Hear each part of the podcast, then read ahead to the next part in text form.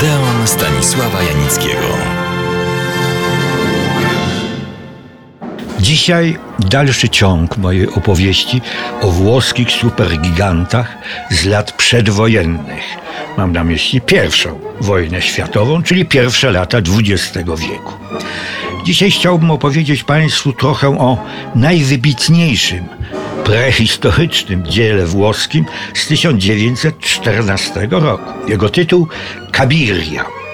Giovanni Pastrone, autor scenariusza i reżyser, a zarazem dyrektor wytwórni, przeprowadzał sumienne studia nad epoką, w której działa się akcja, nad kulturą Rzymu i Kartaginy. Sporządzono wiele szkiców i rysunków architektury, kostiumów i rekwizytów jako wzory do rekonstrukcji. Starannie kompletowano też obsadę. Reżyser Pastrony, wiedząc doskonale, jakie znaczenie ma reklama, poprosił Gabriele D'Annunzi, jednego z największych ówczesnych poetów, nie tylko włoskich, o firmowanie tego filmu. D'Annunzio za 50 tysięcy lirów w złocie spełnił oczekiwania.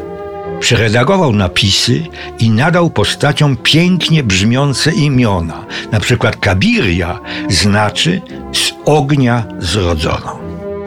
Akcja filmu rozpoczynała się na Sycylii w czasie II wojny punickiej w III wieku przed naszą erą. Cytuję lapidarne streszczenie akcji. Córka rzymskich patrycjuszy zostaje porwana przez piratów do Kartaginy, gdzie ma zostać złożona w ofierze Molochowi.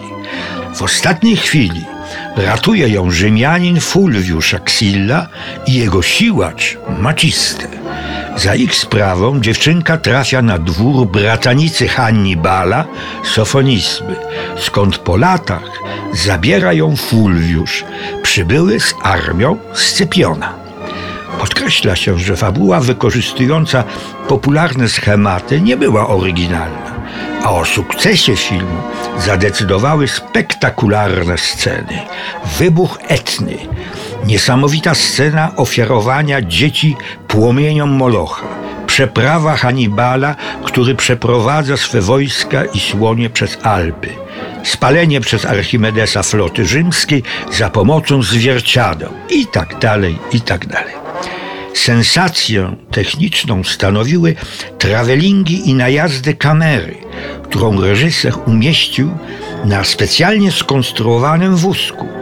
Był to wynalazek samego reżysera i scenarzysty Giovanniego Pastrone, zresztą z wykształcenia inżyniera, z talentu i powołania prawdziwego człowieka kina.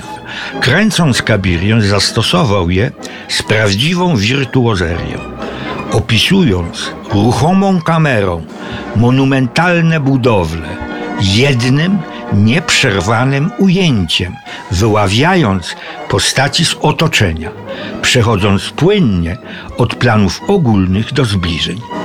W plenerach użył Pastrone również niestosowanego dotąd sposobu wzmocnienia światła za pomocą odpowiednio ustawionych płaszczyzn pokrytych cynfolią Wreszcie napęd ręczny kamery zastąpił motorkiem własnej konstrukcji dla uniknięcia nierytmiczności zdjęć.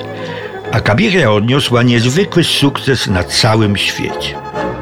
Za tydzień o pierwszej włoskiej adaptacji filmowej dzieła nam tak bliskiego, włoskiej adaptacji filmowej powieści Quo Vadis Henryka Sienkiewicza to Włosi w 1912 roku przenieśli tę powieść po raz pierwszy na ekran.